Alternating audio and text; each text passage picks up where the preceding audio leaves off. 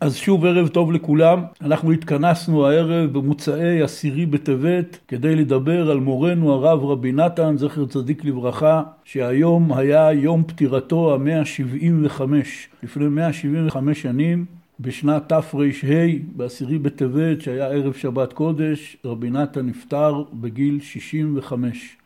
רבי נתן נולד בט"ו בשבט בשנת תק"מ ונפטר בעשירי בטבת בשנת תר"ה.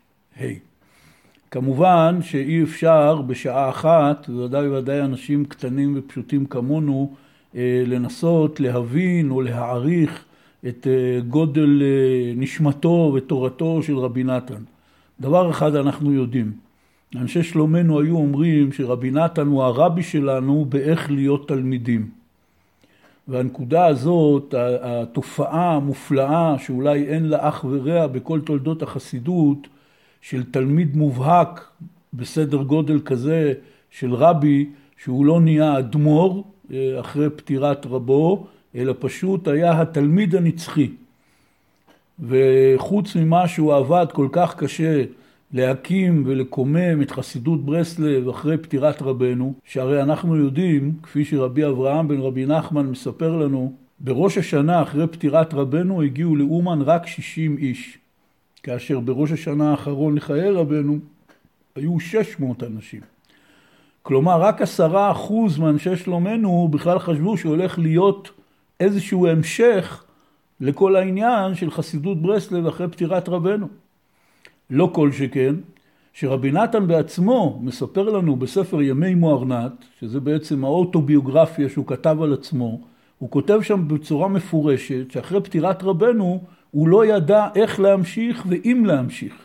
וכל מה שהוא עשה, אחרי ששנה שלמה הוא טיפל בכל מיני עניינים של צוואת רבנו, הוא פשוט ישב בבית המדרש בעירו, וישב ולמד תורה, וזהו.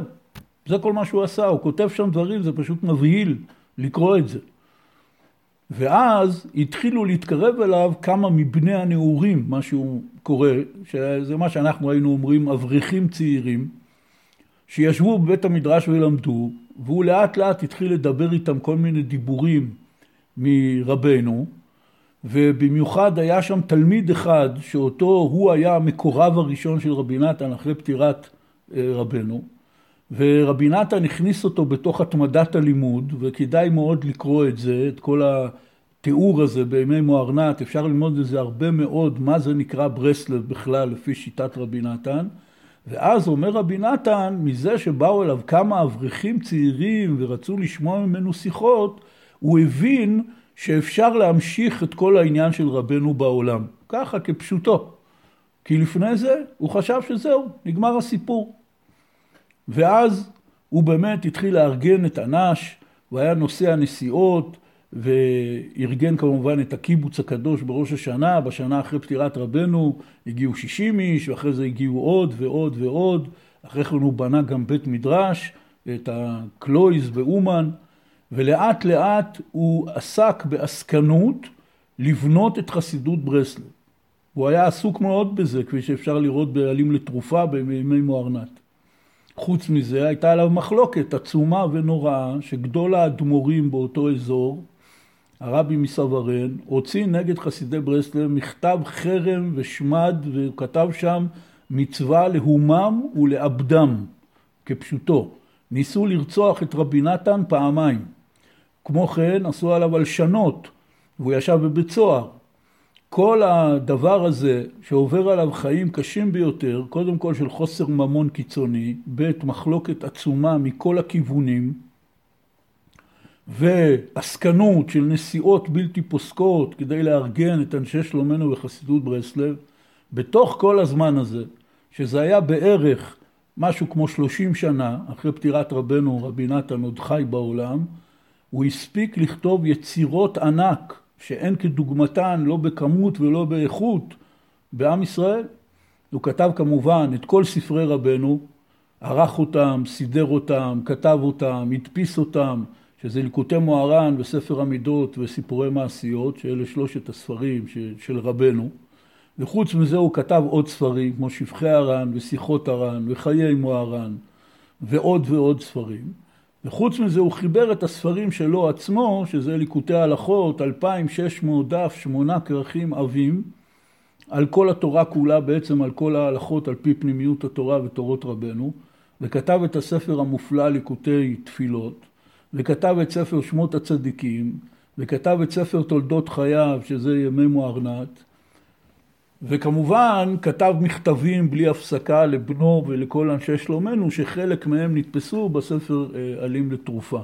מי שמתחיל לראות את תולדות חיי רבי נתן, מה הוא עבר בחיים, ומה הוא הצליח בתוך מניעות כאלה עצומות אה, לייצר לדורות, זה פשוט דבר בלתי נתפס. וכל זה כאשר הוא נשאר תמיד התלמיד הנצחי של רבנו. סיפרתי בכנס נהרדעה, ודאי כמה מכם היו, באחד הכנסים הקודמים, שבשנת אה, תשמ"ו הייתי עם עוד חבר אצל הרב אברהם שפירא, זכר צדיק לברכה, שהיה אז ראש ישיבת מרכז הרב והרב הראשי. ובאנו לבקש ממנו הסכמה לצורך אה, איסוף כספים לכולל ברסלב. ואז הוא סיפר לנו שהספר שהוא קיבל מאבא שלו מתנה לבר מצווה, זה ספר אלים לתרופה. ואבא שלו אמר לו, תקרא בספר הזה ותראה איזה אמונה יש לאדם בכאלה מחלוקות וכאלה מניעות ואיך הוא ממשיך עם היראת שמיים שלו והאמונה שלו וההתחזקות שלו. והרב שפירא אמר לנו, ואת הספר הזה אני לומד כל ימי חיי מאז הבר מצווה, כן, אנחנו היינו אצלו, זה ודאי היה כבר יותר מ-60 שנה אחרי הבר מצווה שלו. והוא אמר, ואני יודע חלקים שלמים ממנו בעל פה. אז אני והחבר שלי קצת אה, נדהמנו, אמרנו ממש, הרב בעל פה, ואז הוא התחיל להגיד לנו בעל פה מכתבים מעלים לתרופה. וזו הבחנה מאוד יפה, שהרי לא הרב שפירא ולא אבא שלו, הם לא היו אפילו מחוגי החסידים, אבל לראות את היראת שמיים וההתחזקות והאמונה והדבקות בתורה של רבי נתן, זה דבר שמרשים ומלמד גם אנשים שהם רחוקים מאוד אה, מברסלב. ולכן אני רוצה, קודם כל, עוד מעט נדבר על אה, יסוד מאוד מאוד חשוב ו- וקריטי וחיוני ורלוונטי לכל אחד מאיתנו בתורה של רבי נתן. אבל השורה התחתונה היא מאוד פשוטה. השורה התחתונה היא שמי שרואה את עצמו קשור לתורת רבנו, ומי שרוצה באמת לקבל מרבנו מה שהוא צריך, הוא צריך לקבוע לעצמו סדר קבוע כל יום ללמוד בספרי רבי נתן. ורבי אברהם בן רבי נחמן, שהוא היה בנו של רבי נחמן מטולצ'ין, תלמידו המובהק של רבי נתן, כותב במפורש בספר שלו שהוא שמע מאבא שלו שעיקר הלימוד צריך להיות בספרי רבי נתן, ולא בספרי רבנו. וכך אמר גם בדורנו רבי שמואל שפירא, זכר צדיק לברכה, שהיה ממש שרף, קדוש עליון, מגדולי חסידי ברסלב בכל הדורות שזכינו להכיר אותו. והוא גם כן אמר את זה וכתב את זה במכתבים שלו, יש ספר דק שנקרא שמואל בקוראי שמו, שזה מכתבים שרבי שמואל שפירא כתב, והוא כותב שם לאיזה אברך, כל אחד חייב ללמוד כל יום חצי שעה ליקוטי הלכות בגירסה, אפילו אם הוא לא מבין. פשוט לתת ללשון הקדושה של רבי נתן להיכנס לתוך הנשמה. וגם אם אנחנו לא מסוגלים חצי שעה, אבל ודאי וודאי שכל אחד ואחד צריך לקבוע את עיקר הלימוד שלו בספרי רבי נתן, וזה אומר בצורה הפשוטה ביותר, ויהי רצון שנזכה, גם אני צריך להתחזק בזה, אני אומר לכם את זה כדי שאני בעצמי אזכר בזה ואתחזק בזה. פשוט ללמוד כל יום דף עלים לתרופה, דף ליקוטי הלכות, ולהגיד דף של ליקוטי תפילות. זה דבר אלמנטרי לפני כל דבר אחר, מפני שהלשון של רבי נתן היא לשון שמרפאת את הנפש כפשוטו.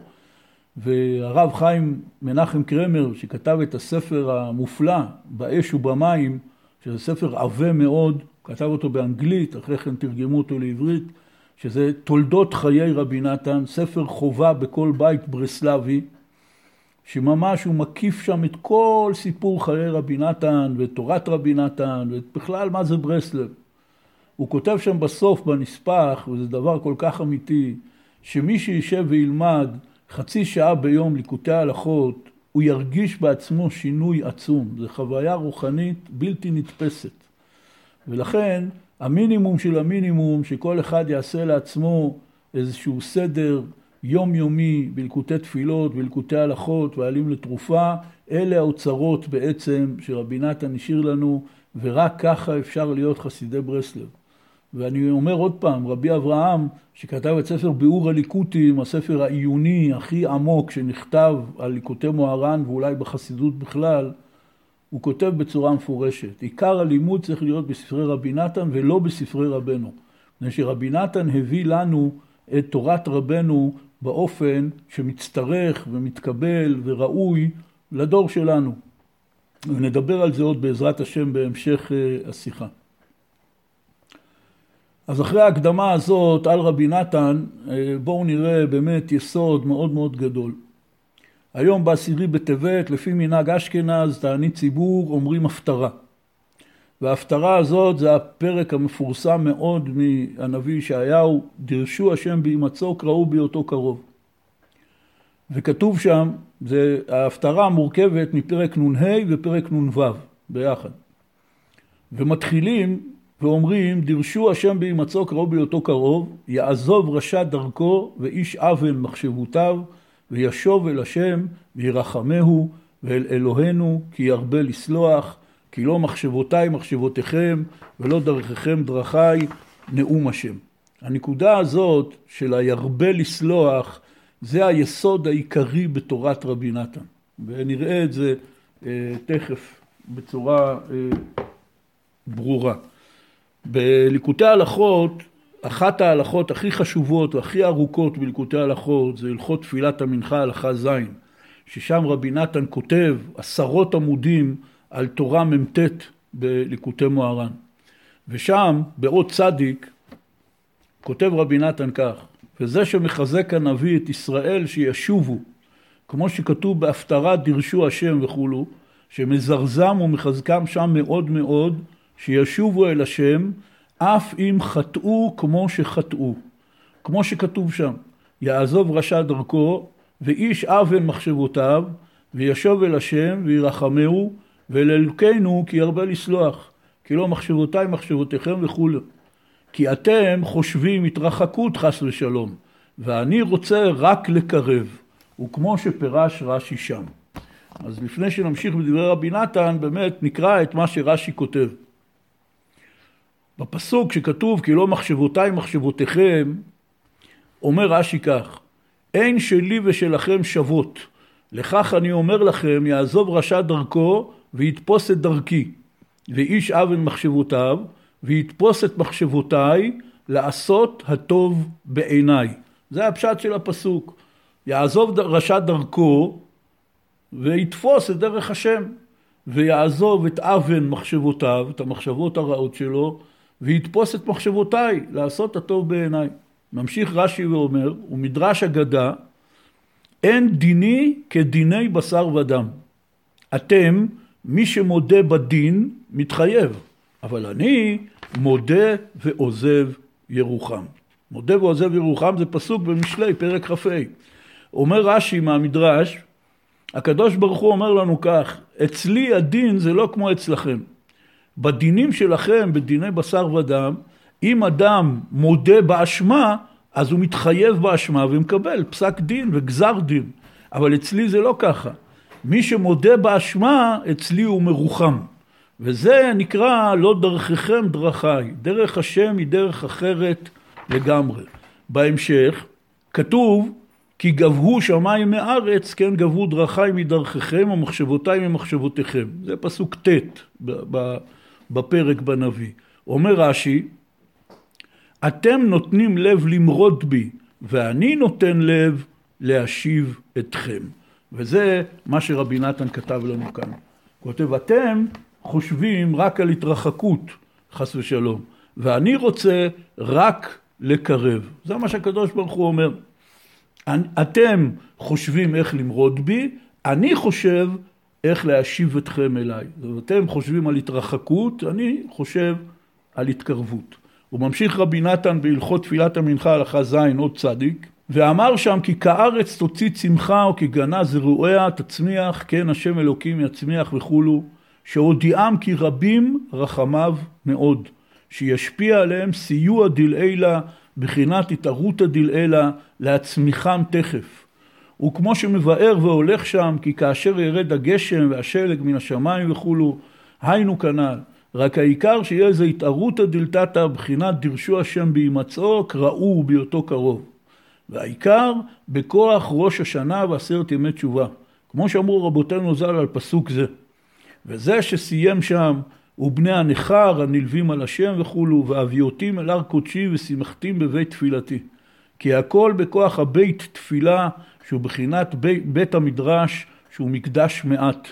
ורבי נתן מעריך פה ואומר בכל ההלכה הזאת, כל העניין של הירבה לסלוח, והוא אומר את זה פה בעשרות מקומות, אני רוצה שתדעו, בהלכות תפילת המנחה, הלכה ז', רבי נתן חוזר עשרות פעמים על הפסוק הזה, אה, ואל אלוקינו כי ירבה לסלוח. וזה הנושא שלנו היום, העניין של הירבה לסלוח. אבל בהלכה הזאת באופן מיוחד, הוא חזר על זה עוד פעם ועוד פעם ועוד פעם. וכל מה שהוא אומר כל פעם, הוא אומר אין לנו מושג כמה הקדוש ברוך הוא סולח. זאת הנקודה שרבי נתן רוצה להנחיל לנו. שיש תמיד תקווה ואין אף פעם ייאוש, מפני שהקדוש ברוך הוא, כל עניינו זה רק להשיב. ומודה ועוזב ירוחם. ולעשות תשובה זה דבר קל. והעניין שהוא חוזר שוב ושוב, זה שאין לנו מושג עד, עד כמה הקדוש ברוך הוא סולח, והוא מביא כל מיני מדרשים בתוך ההלכה הארוכה הזאת, כל מיני מדרשים של חז"ל שמדברים על הנקודה הזאת של ריבוי הסליחה. וכאשר הוא מדבר שבכל זאת צריך איזושהי התערותא דלתתא, כמו שכתוב, דירשו השם בהימצאו, קראו בהיותו קרוב. זאת אומרת, גם לכם יש עבודה. העבודה היא לדרוש את השם, העבודה היא לקרוא לשם. חייבים שיהיה איזושהי התערותא דלתתא. אומר רבי נתן, זה הכל בכוח הקיבוץ של האנשים בבית המקדש מעט, בבית המדרש. וזאת נקודה מאוד חשובה לכבוד זה שאנחנו מדברים, ונפתלי התחיל, עשה איזו הקדמה שלמה להסביר על נהרדעה. הנקודה הזאת של ההתקבצות ביחד של אנשים שרוצים לעבוד את השם על פי דרך רבנו, זה עניין יסודי מאוד מאוד בכל ההשערה של רבנו.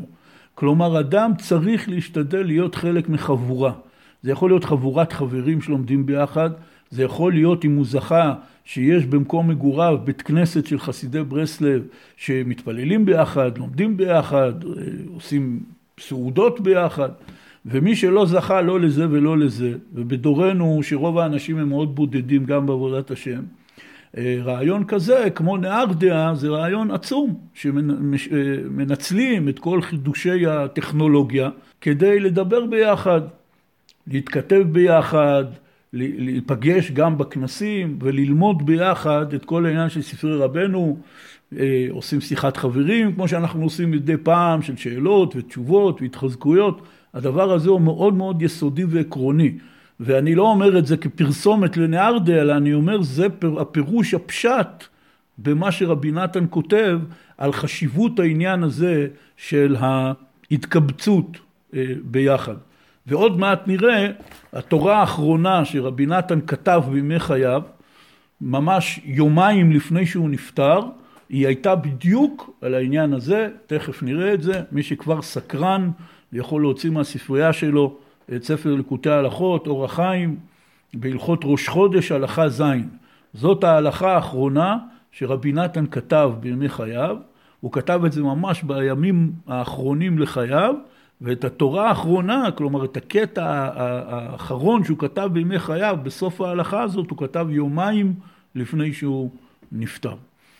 אבל אני רוצה רגע לחזור לנקודה הזאת של אלוקינו כי ירבה לסלוח. רבי אברהם בן רבי נחמן לימד אותנו שהעניין הזה של ההתחזקות, לחזק את כל האנשים השבורים והמיואשים, אם זה אנשים מיואשים שכבר רואים כלפי חוץ שמיואשים, אם אלה שהייאוש התחיל להתגנב להם ללב ועדיין לא רואים את זה חיצונית, זה היה כל העניין של רבי נתן. כל העניין של רבי נתן היה התחזקות. אנחנו יודעים, כפי שרבי אברהם כותב, תכף נקרא את זה, מי יודע כמה מאות אלפים אנשים התחזקו בעבודת השם, באמונה, בתורה, בשמחה, מהספרים של רבי נתן.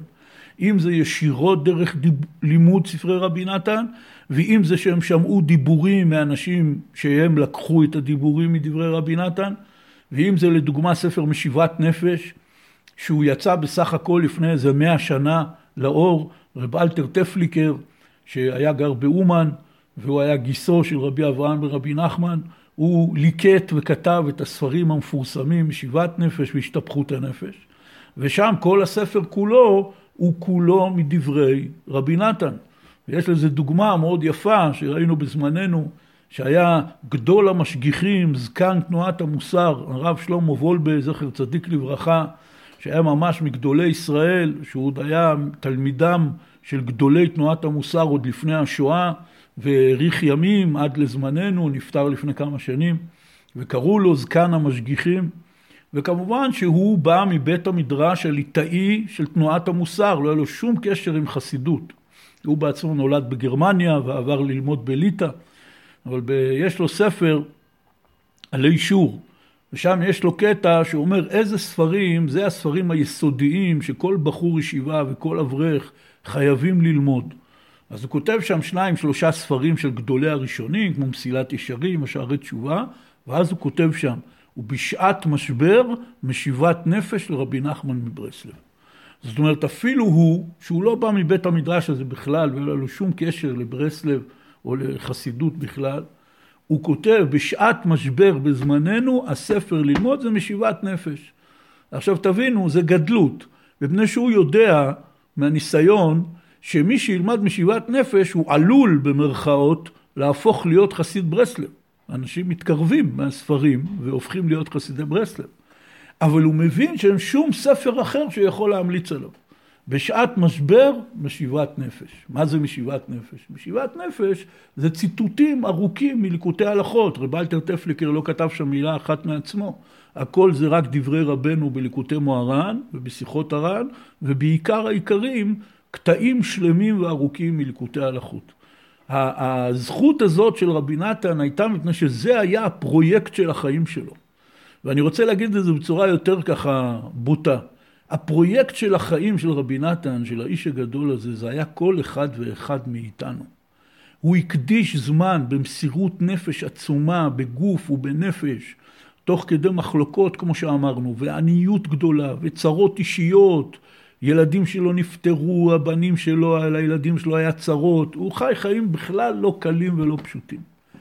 אבל הוא גנב זמן בכוח בשביל לכתוב את כל הספרים שלו, בעיקר ספר ליקוטי הלכות, שכל העניין שלו היה כל אחד ואחד מאיתנו עם המשברים הקטנים שלו, והנפילות שלו, והירידות שלו, והמצוקות שלו, ואנחנו רואים שהוא הרי יכל לכתוב חידושי תורה עצומים ועמוקים בכל תורת הנסתר, כפי שבליקוטי הלכות מדי פעם יש דרושים מאוד מאוד עמוקים.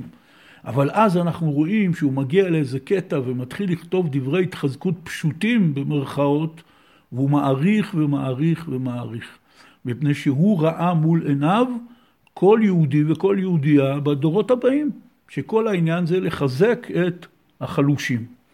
ועל זה כותב רבי אברהם בן רבי נחמן, קטע מדהים ומבהיל בספר כוכבי אור, בחלק חוכמה ובינה, באות ל"ט. בספר חוכמה ובינה זה ספר שרבי אברהם מגלה סודות, בדרך כלל בגימטריה וראשי תיבות, בשם של רבנו, נחמן, ומראה איך כל הגימטריות וכל הראשי תיבות וכל הסודות זה הכל העניין שרבנו היה התגלות אור ספירת הבינה בעולם. לא ניכנס לזה עכשיו. בכל מקרה, באות ל"ט הוא כותב כך: ומחמת שגם עיקר שלמות כל התיקונים של הרב הוא על ידי התלמיד, כמובא בתורה, קרא את יהושע בסימן ו', בעניין הסוד של תמונת א', והאדם היושב על הכיסא, ועיין שם היטב מה שמובא שם בעניין מלחמת עמלק, שזה שם בתורה ו' באות ז', מי שרוצה להסתכל, שאף על פי שגם היא עיקרה נעשית על ידי משה בעצמו, אבל באתגליה תלויה המלחמה רק בתלמיד שהוא בחינת יהושע. עיין שם.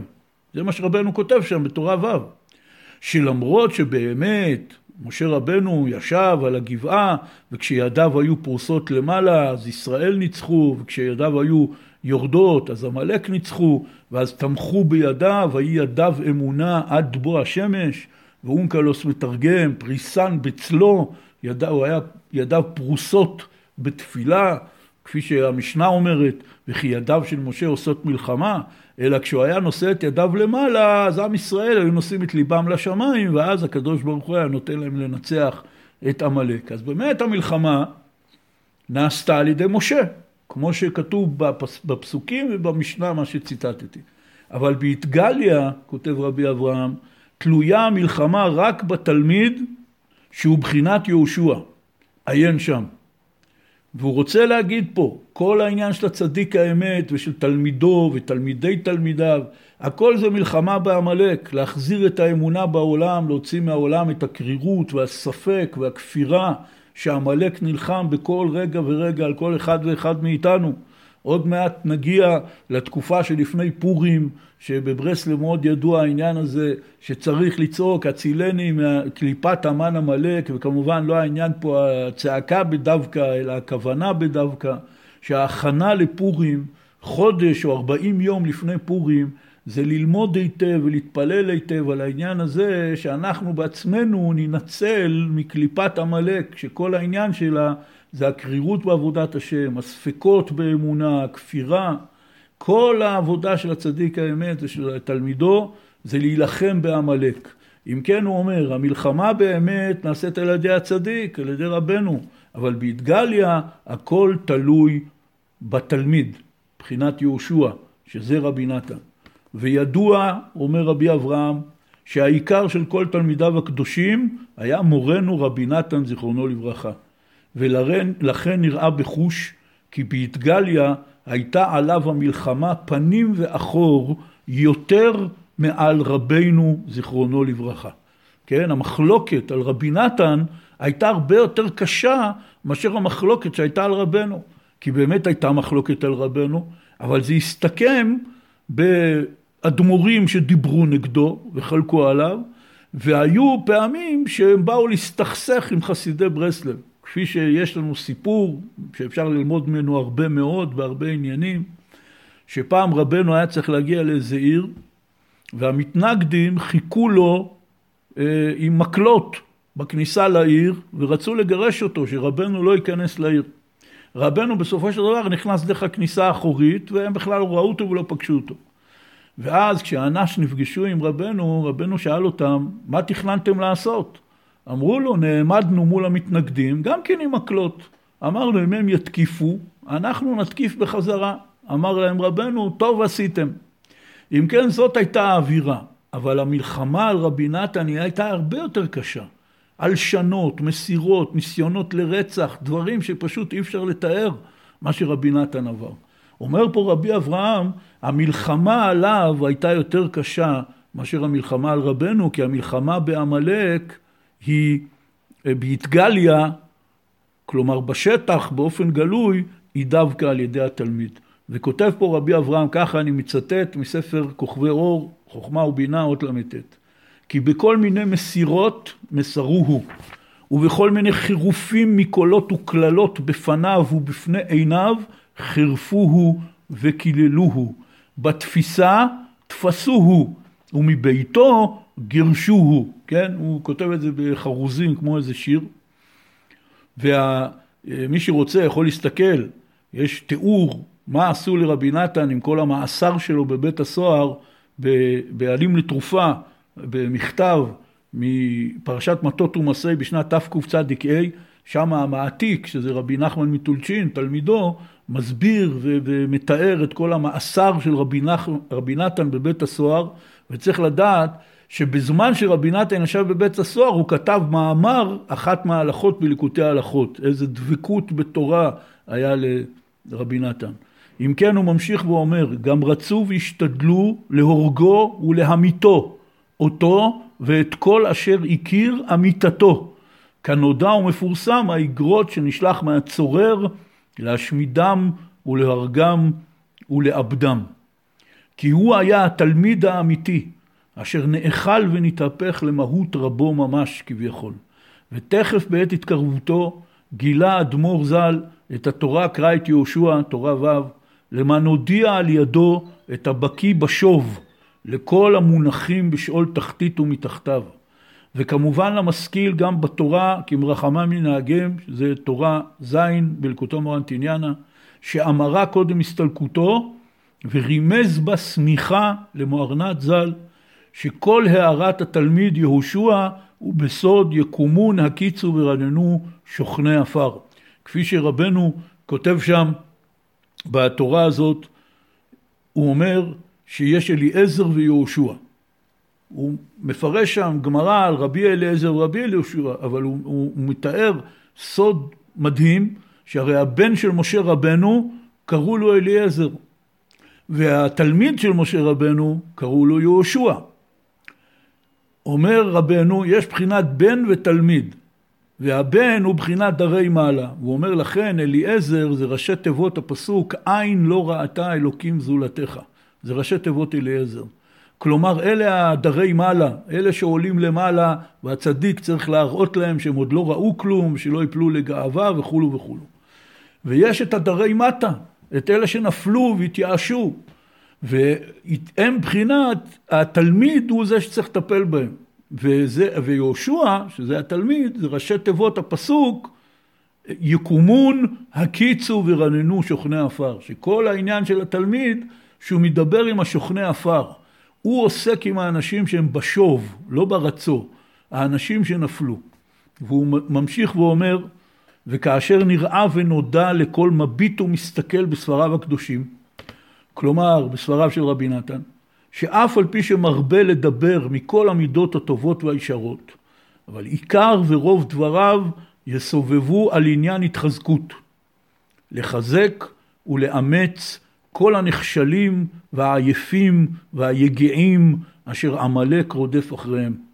לבל יתייאשו עצמם מן הרחמים, כי הוא יתברך חנון ורב לסלוח. ועכשיו רבי אברהם מגלה לנו פה סוד עצום, שזה המקור היחידי שבספרי ברסלב שיש לנו. מה רבי נתן, מה היו המילים שאיתם רבי נתן נפטר, שהם היו ממש על שפתיו. וצריך לדעת שבספר עלים לתרופה נדפס מכתב ידוע מאוד, היום בעשירי בטבת, בכל הסעודות הילולה שעכשיו מתקיימות בכל הארץ, בכל בתי המדרשות של ברסלב, בדרך כלל קוראים את המכתב הזה, שהמכתב הזה זה מכתב שאנש כתבו, אנש מברסלב, כתבו לאנש בכל הכפרים והערים ותיארו בו תיאור ארוך ומפורט את כל ההסתלקות של רבי נתן. מה קרה, מה היה בימים לפני, מה היה בזמן הפטירה. יש שם המון פרטים והמון סיפורים והמון עניינים, וכמובן ראוי מאוד ללמוד את המכתב הזה.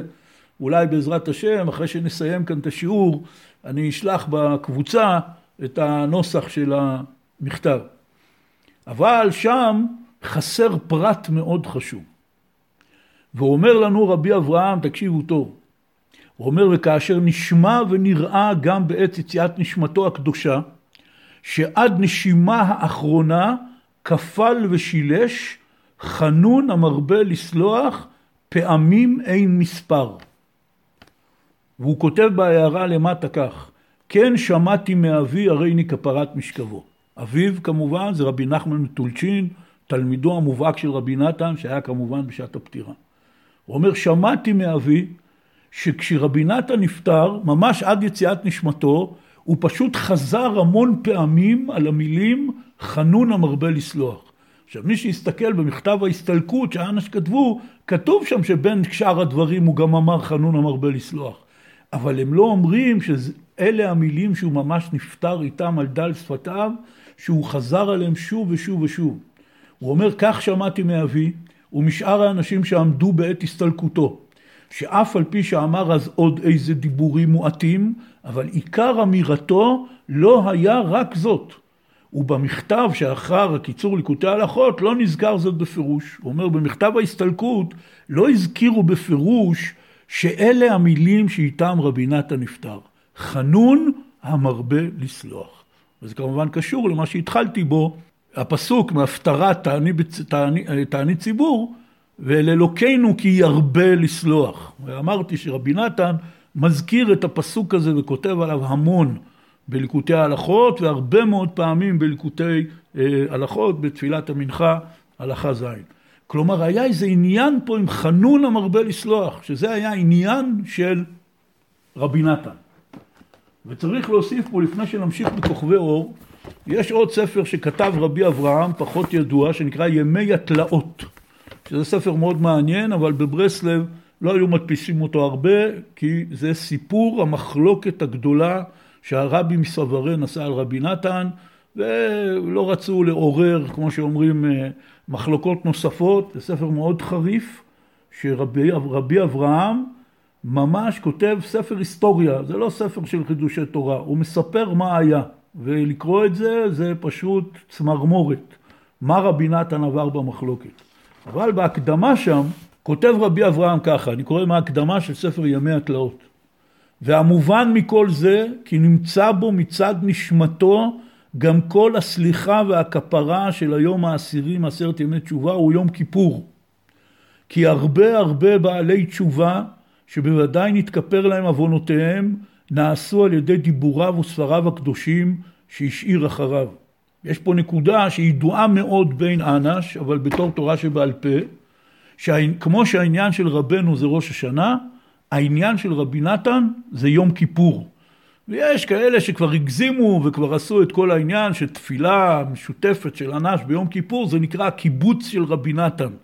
אז זאת אומרת, יש לזה על מה לסמוך, רק אה, לא צריך להיסחף, כמו שאומרים, אבל עיקר העניין הוא באמת שכל העניין של רבי נתן היה יום כיפור.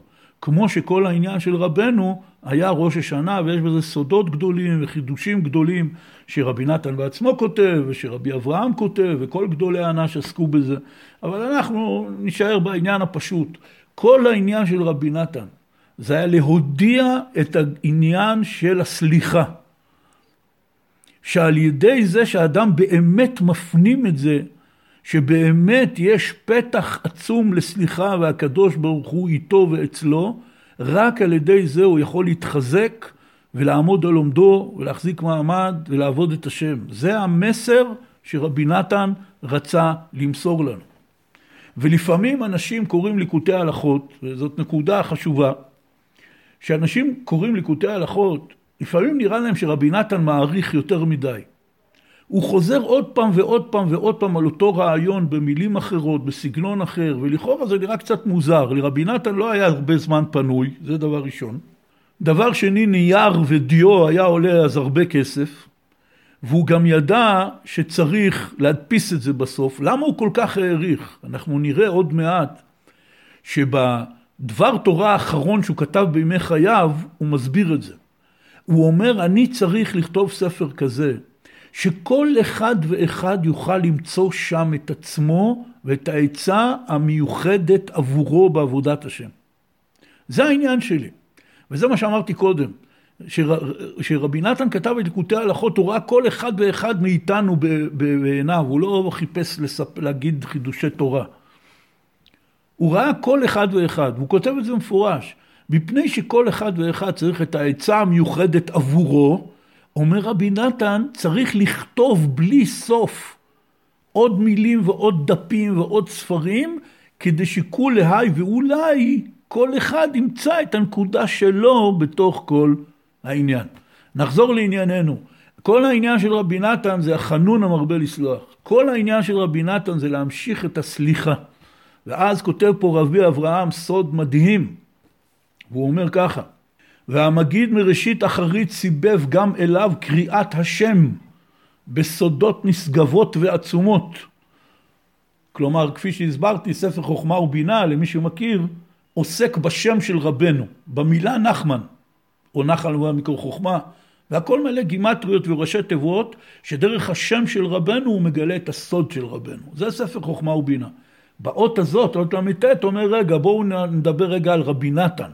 הוא אומר, גם השם שלו, הקדוש ברוך הוא סיבב אותו בסודות גדולים, נשגבים ועצומים.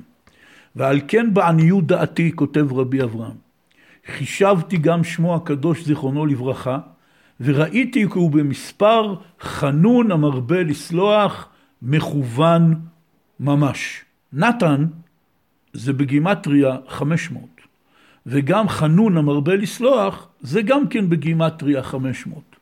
והנה מראה לנו פה רבי אברהם סוד עצום ונורא, שהמילים האלה, השלוש מילים האלה, שרבי נתן נפטר איתם וחזר עליהם פעמים אין מספר עד שיצא נשמתו, חנון המרבה לסלוח, זה בגימטריה נתן. מפני שזה כל העניין של רבי נתן, שדרך הספרים שלו והתפילות שלו והשיחות שלו, הוא רוצה להאיר בנו את הנקודה הזאת של חנון המרבה לסלוח. אז לפני שנמשיך בדברי רבי אברהם, צריך להגיד מה האנש אומרים על זה. שזה דבר שכל אחד מסתכל ומבין. מה זה חנון המרבה לסלוח? אנחנו אומרים את זה שלוש פעמים ביום בתפילת שמונה עשרה. ברוך אתה השם, חנון המרבה לסלוח. אז ראוי לנו שמדי פעם נסתכל ונבין מה זה פירוש המילה מרבה. מה זה מרבה לסלוח? אפשר להגיד סולח, כמו שאנחנו אומרים, כי אל טוב וסלח אתה. ככה אומרים בברכה. מה זה חנון המרבה לסלוח? המרבה לסלוח פירושו שכמה פעמים שלא תעבור על דברי השם יתברך, תמיד תישאר בשבילך סליחה פנויה. אנחנו מכירים את זה מעצמנו. בני אדם הם לא מרבים לסלוח. יש אחד שבפעם השנייה שאתה חוטא נגדו, הוא כבר לא יסלח לך. יש אחד שמוכן לסבול אותך כמה פעמים, ואולי יש אפילו צדיק עצום שגם אם תחטא נגדו ותעשה דברים נגד רצונו, דברים שפוגעים בו אפילו עשרות פעמים, הוא יסלח לך. אבל לסליחה של בן אדם יש גבול. כל בן אדם שיהיה הצדיק הכי גדול, בסופו של דבר יש איזשהו גבול, שאם זה שחטא נגדו חטא עוד פעם ועוד פעם ועוד פעם, הוא כבר לא סולח לו. הוא אומר, זהו, אני כבר לא אסלח לך. אבל אצל הקדוש ברוך הוא זה לא ככה. אצל הקדוש ברוך הוא זה חנון המרבה לסלוח. עכשיו צריך להתבונן ולעיין במילה הזאת. הקדוש ברוך הוא, האין סוף ברוך הוא. כמה זה הרבה אצל אין סוף? כן? זאת שאלה חשובה, שכדאי מאוד לעיין בה ולהתבונן בה. הקדוש ברוך הוא, האין סוף ברוך הוא. אין עוד מלבדו. כשאנחנו אומרים על הקדוש ברוך הוא המרבה לסלוח, זה לא כמו שאומרים על בן אדם. על בן אדם תגיד הוא מרבה לסלוח, מה אתה מתכוון? מאה פעמים, אלף פעמים, עשרת אלפים פעמים. זה נקרא המרבה. אבל אצל הקדוש ברוך הוא המרבה זה אין סוף. וזה מה שרוצים להגיד. כמה שלא תחטא נגדו, כמה שלא תיפול עוד פעם ועוד פעם ועוד פעם, חנון המרבה לסלוח. יש תמיד סליחה פנויה. וזה דיבור חזק. כשאדם מדבר לפני הקדוש ברוך הוא בהתבודדות, זה מה שהוא צריך להגיד לו. ומובא שרבי יצחק, בנו של רבי נתן, שאליו נכתבו כל המכתבים בעלים לתרופה, ועל פי הוראת אבא שלו, רבי נתן, הוא עלה לארץ ישראל בגיל 60, והיה גר בצפת, ושם הוא נפטר. אז מספרים בשמו שכשהוא היה עושה התבודדות, הוא היה אומר לקדוש ברוך הוא ככה. אומר לו, ריבונו של עולם, אני ואתה מאוד דומים. כמה שאני קטן, ככה אתה גדול. אז ממילא, אני, אין סוף לקטנות שלי, אבל אתה אין סוף לגדלות שלך, אז אתה יכול לסלוח לי. ואז הוא היה אומר לקדוש ברוך הוא ככה, תסלח לי, כי אני מבטיח לך שמחר אני כבר אהיה יותר טוב. מחר הכל ישתנה. אז נכון שגם אמרתי את זה אתמול, וזה לא קרה, אבל הפעם אני מתכוון באמת. אלה דיבורים של ברסלבר. שעושה את מה שכתוב בתורה כ"ה, שאדם צריך למצוא טענות והמטלאות. זה נקרא טענות והמטלאות. אם כן האדם בא ואומר לקדוש ברוך הוא, אתה חנון המרבה לסלוח, ומרבה אצלך זה אין סוף. אז גם אם חטאתי כבר מאה אלף פעמים, קטן עליך. יש לך תמיד איזו סליחה פנויה. זה הנקודה של המרבה לסלוח. זה אנש הרבה מדברים מהעניין הזה. וזה בדיוק הפסוק בהפטרה שאמרנו של אה, יעזוב רשע דרכו ואיש עוול מחשבותיו וישוב אל השם וירחמהו ואל אלוקינו כי ירבה לסלוח. זה הנקודה שרבי נתן לקח כייעוד חייו, ללמד את כולם את העניין הזה של המרבה לסלוח. אל אלוקינו כי ירבה לסלוח. ובהשגחה פרטית, כן, רבי נתן נפטר בעשירי בטבת, שזה תענית ציבור, וביום הזה כולנו אומרים, כלומר, אלה שנוהגים כמובן, אומרים את ההפטרה הזאת עם הפסוקים הנפלאים האלה, ואני מציע לכולם, גם מי שזוכר מאחרי הצהריים שהיה במנחה ושמע את ההפטרה, לקרוא אותה עוד פעם. ישעיהו פרקים נ"ה נ"ו. זה הפרק הזה, הנבואה הזאת של ישעיהו הנביא, זה נראה כאילו זה המקור של כל ליקוטי ההלכות. ומי שיסתכל יבין. נמשיך את דברי רבי אברהם. אומר רבי אברהם, אני חישבתי וראיתי שהשם נתן הוא בגימטריה חנון המרבה לסלוח. שאלה המילים שרבי נתן חזר עליהם פעמים אין מספר עד שיצאה נשמתו, כפשוטו. זאת הצוואה שלו, זה היה העניין שלו, וזה בגימטריה נתן. והוא כותב פה בהערה ככה, כי נשמות ישראל הם חלקי מידותיו של השם יתברך, וכל נשמה מסוגלת ונמשכת ביותר למידה שנלקחה ממנה. וכל זה כשמיטיבה מעשיה בעולם הזה. כי אם לאו, אזי אדרבה, מתגבר עליה ההפך מזה, שמחמת זה אמרו חכמינו ז"ל, כהנים קפדנים הם, אף על פי שהם ממידת החסד, כי על פי רוב קשה מאוד להיטיב את מעשיו. ההערה הזאת, הערה נ' באות ל"ט בספר חוכמה ובינה, כמובן זה פתח של לימוד עמוק וארוך שיש בו יסוד השקפתי, מחשבתי, חשוב ביותר. אומר לנו רבי אברהם שבעצמה היה איש קדוש בעל רוח הקודש, כתב ספרים עמוקים שאי אפשר לתאר והוא היה הדור השלישי לקבלה בעל פה רב מובהק, תלמיד מובהק מרבנו הקדוש ובעצם כל מסורת חסידות ברסלב נמסרה על ידו. אומר לנו אותו אדם מופלא שיום פטירתו המאה ושתיים היה בחנוכה, בנר חמישי. הוא אומר, נשמות ישראל הם חלקי מידותיו של השם יתברך, ולכן לכל נשמה יש שייכות מיוחדת עם איזו מידה מיוחדת. ואם הנשמה הזאת, האדם הזה, מיטיב את מעשיו בעולם הזה, זאת אומרת הוא צדיק, הוא נהיה איש כשר, אז הוא נמשך ביותר למידה שממנו הנשמה שלו נלקחה. כלומר, אם הוא אדם ירא שמיים, אדם עובד השם, אדם זך, אדם נקי, אז כל אדם יש לו את הנקודה שלו שהוא נמשך אליה. כפי שיש על זה שיחה מפורשת מרבי נתן, שהוא אמר, שיש אדם שנמשך יותר לתורה, ואחד נמשך יותר לתפילה, ואחד נמשך בכלל למעשים טובים, הוא יותר אוהב לעסוק בגמילות חסדים, בעזרה לאנשים. כל אחד יש לו את השורש נשמה שלו, כל אחד יש לו את העניין שלו. לכן רבנו אה, במכתב לאנשי שלומנו, שאולי בעזרת השם נדבר עליו באחד השבועות הקרובים באיזשהו שיעור, שהוא אומר שם חזקו ואמצו ביראת השם, כאשר לימדתי אתכם, כל אחד ואחד לפי כוחו ובחינתו. כל אחד ואחד לפי כוחו ובחינתו, זה הכותרת הראשית של חסידות ברסלב. זה כל העניין פה. אסור שיהיה שטנץ. אם אתה בא לאיזה בית מדרש של ברסלב וכולם נראים אותו דבר, מתפללים אותו דבר, לומדים אותו דבר, מדברים אותו דבר, תיזהר. משהו פה לא אמיתי. מפני שכל העניין בעבודת השם זה כל אחד ואחד לפי כוחו ובחינתו. כל אחד יש לו את הכוח שלו, שזה כמובן משתנה מתקופה לתקופה בחיים, כל אחד יש לו את הבחינה שלו, וכל העבודה של האדם בעולם הזה זה לנסות להכיר את עצמו ולדעת את הנקודה של הנשמה שלו. אם כן, אומר רבי אברהם, אבל לצערנו הרב, על פי רוב, קשה מאוד להיטיב את מעשיו. רוב האנשים, הם לא זוכים להיטיב את מעשיהם בעולם הזה ולהיות צדיקים. ואז מה קורה להם? דווקא אותה נקודה שהיא שייכת לנשמתם, הם נופלים בהפך ממנה בצורה מאוד קיצונית. והדוגמה שהוא נותן, שאנחנו יודעים שהכהנים הם מצד החסד. אבל חז"ל אמרו בגמרא, הכהנים קפדנים הם. זאת אומרת, ההפך מחסד. הוא אומר, בדיוק זה הסיבה. בגלל שהם לא זוכים להיטיב את מעשיהם ולהזדכך ולעבוד את השם, אז מתגברת עליהם המידה הרעה שהיא בדיוק ההפך של המידה הטובה שהם שייכים אליה. מה הוא רוצה להגיד בזה? הוא רוצה להגיד בזה כך, רבי נתן זכה להיטיב את מעשיו, וכל עניין נשמתו בא מהמידה הזאת של השם יתברך של החנון המרבה לסלוח.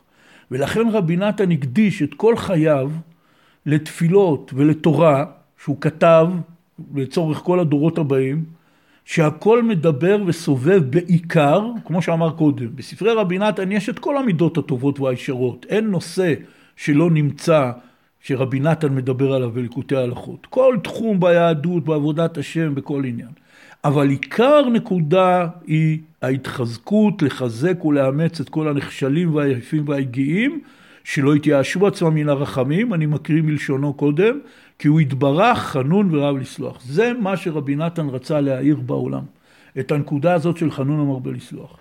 ולכן, מפני שזה, הנשמה שלו באה מהמקום הזה, לכן חנון המרבה לסלוח זה בגימטריה נתן, ואלה שלוש המילים שרבי נתן חזר וכפל ושילש פעמים אין מספר.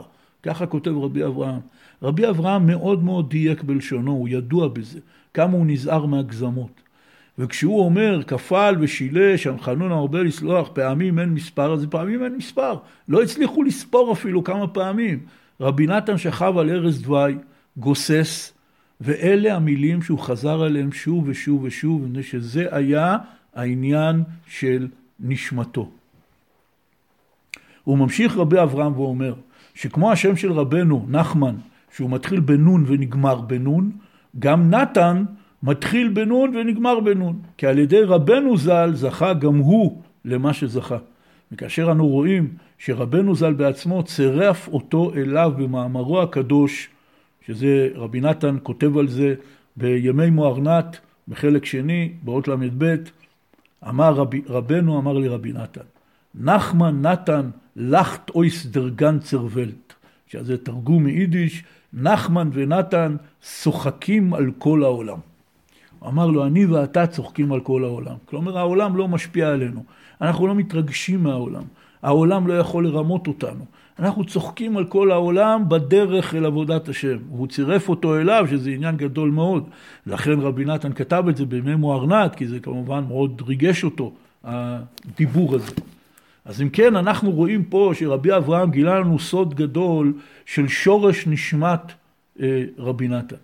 אבל עכשיו אנחנו צריכים לדעת מעבר ללימוד הזה, שאנחנו צריכים לעסוק בספרי רבי נתן וללמוד את זה עוד פעם ועוד פעם ועוד פעם, אם זה להגיד את זה בליקוטי תפילות, ואם זה אה, ללמוד את זה בליקוטי הלכות, ואם זה לקרוא את המכתבים שלו בעלים לתרופה, שמי שעוסקים בזה הרבה, אז לאט לאט זה נכנס, אחר כך שוכחים, ואז צריך עוד פעם, ושוב ושוב ושוב, ללמוד ספרי רבי נתן.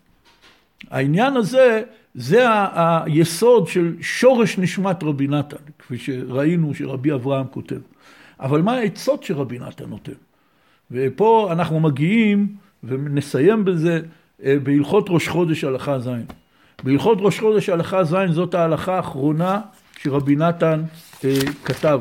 ההלכה הזאת, יש בה הרבה מאוד דפים בליקוטי ההלכות, תכף אני אעשה לכם חישוב.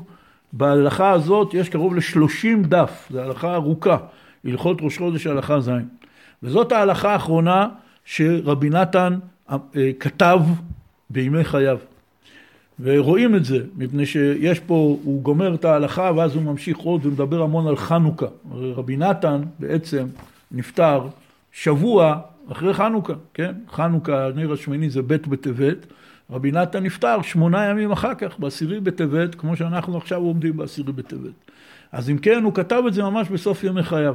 ובקטע האחרון של ההלכה, רבי נתן מדבר על הסוד של המנורה. אני אקרא רק את הקטע הסופי, אבל כדאי מאוד לכל אחד לקרוא גם מה שהולך לפני זה כדי להבין יותר. וזה, אנחנו עכשיו קוראים את הדבר תורה האחרון שרבי נתן כתב בימי חייו, יומיים לפני פטירתו. והוא כותב כך, מ"ט קנים וכפתורים ופרחים שהיה במנורה, שהרי ידוע שאם סופרים מה שמתואר בפרשת תרומה בתורה, רואים שבמנורה, במשכן, היו 49 קנים וכפתורים ופרחים. וזה בחינת מ"ט אותיות השבטים, כפי שאנחנו יודעים, הזוהר הקדוש מגלה שבשמות כל השבטים יש 49 אותיות בדיוק, ורבנו גם מדבר על זה בליקוטי מוהר"ן. אז אם כן, 49 קנים וכפתורים ופרחים, שהיה במנורה, זה בחינת 49 אותיות בשמות השבטים, שהם בחינת 12 אבנים שנכללו אצל יעקב באבן אחד, כן? כמו שכתוב בתורה בפרשת אה, ויצא, ש... ויקח מאבני המקום, וישם מראשותיו, ואז כשיעקב מתעורר, כתוב, הוא לקח את האבן אז חז"ל אומרים, בהתחלה כתוב אבני, אחרי זה כתוב אבן, אלא אומרים חז"ל, כל האבנים שהוא אסף התקבצו ונהיו לאבן אחת, ומבואר על זה בספרים, בפנימיות התורה, שהאבן הזאת היא כוללת את כל 12 האבנים שהיו על החושן, אבן כנגד כל שבט. שזהו בחינת קדושת ראש השנה שהתחיל מיעקב, הוא מסביר את זה לפני זה בהלכה, שזה זוכים על ידי ריבוי הספרים הקדושים. עד שנכללים בתורה שבכתב ומשלימים תורה שבכתב, שעל ידי זה נכללים כל אבני יעקב באבן אחת. ועל כן על ידי שהיה במנורה קנים וכפתורים, שהם 49, שהוא בחינת שלמות התורה, על ידי זה נעשה התיקון של אבני יעקב שנכללו באבן אחת, שזהו בחינת ראש השנה. ולפני שנמשיך, אני רוצה לקרוא לכם את מה שאמרתי קודם, שרבי נתן כותב פה.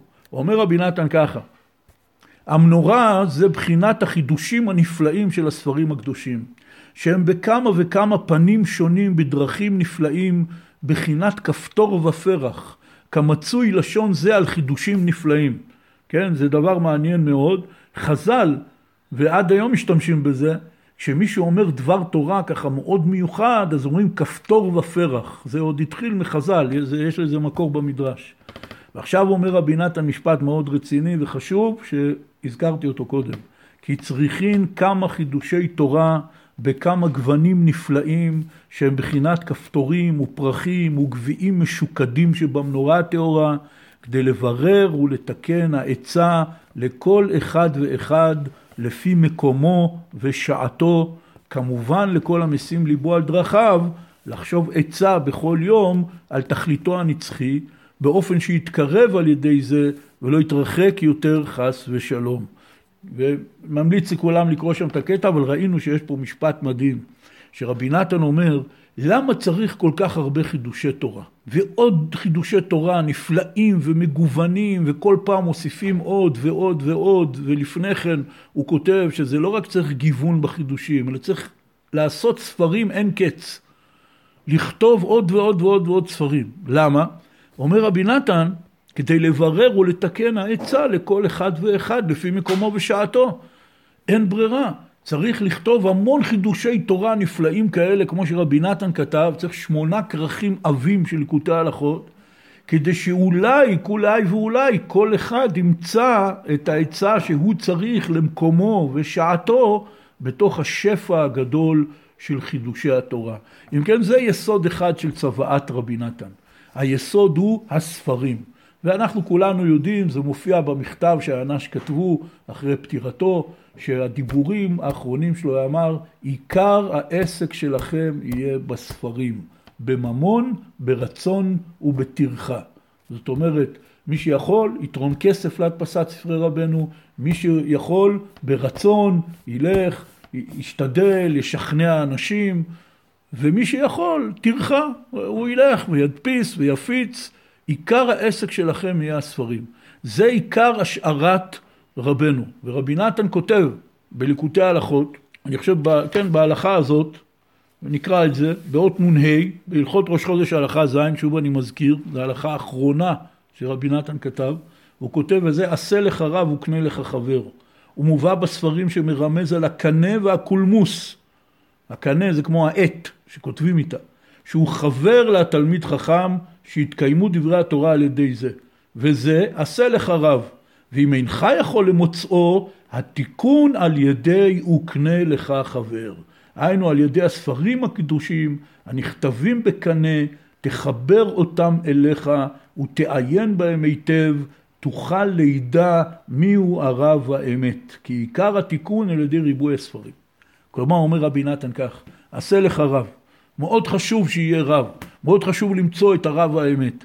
אבל אם לא הצלחת למצוא, תתחבר לספרים. כי דרך לימוד הספרים, כמובן בעיקר ספרי רבי נתן, תוכל לגלות מיהו הרב האמת.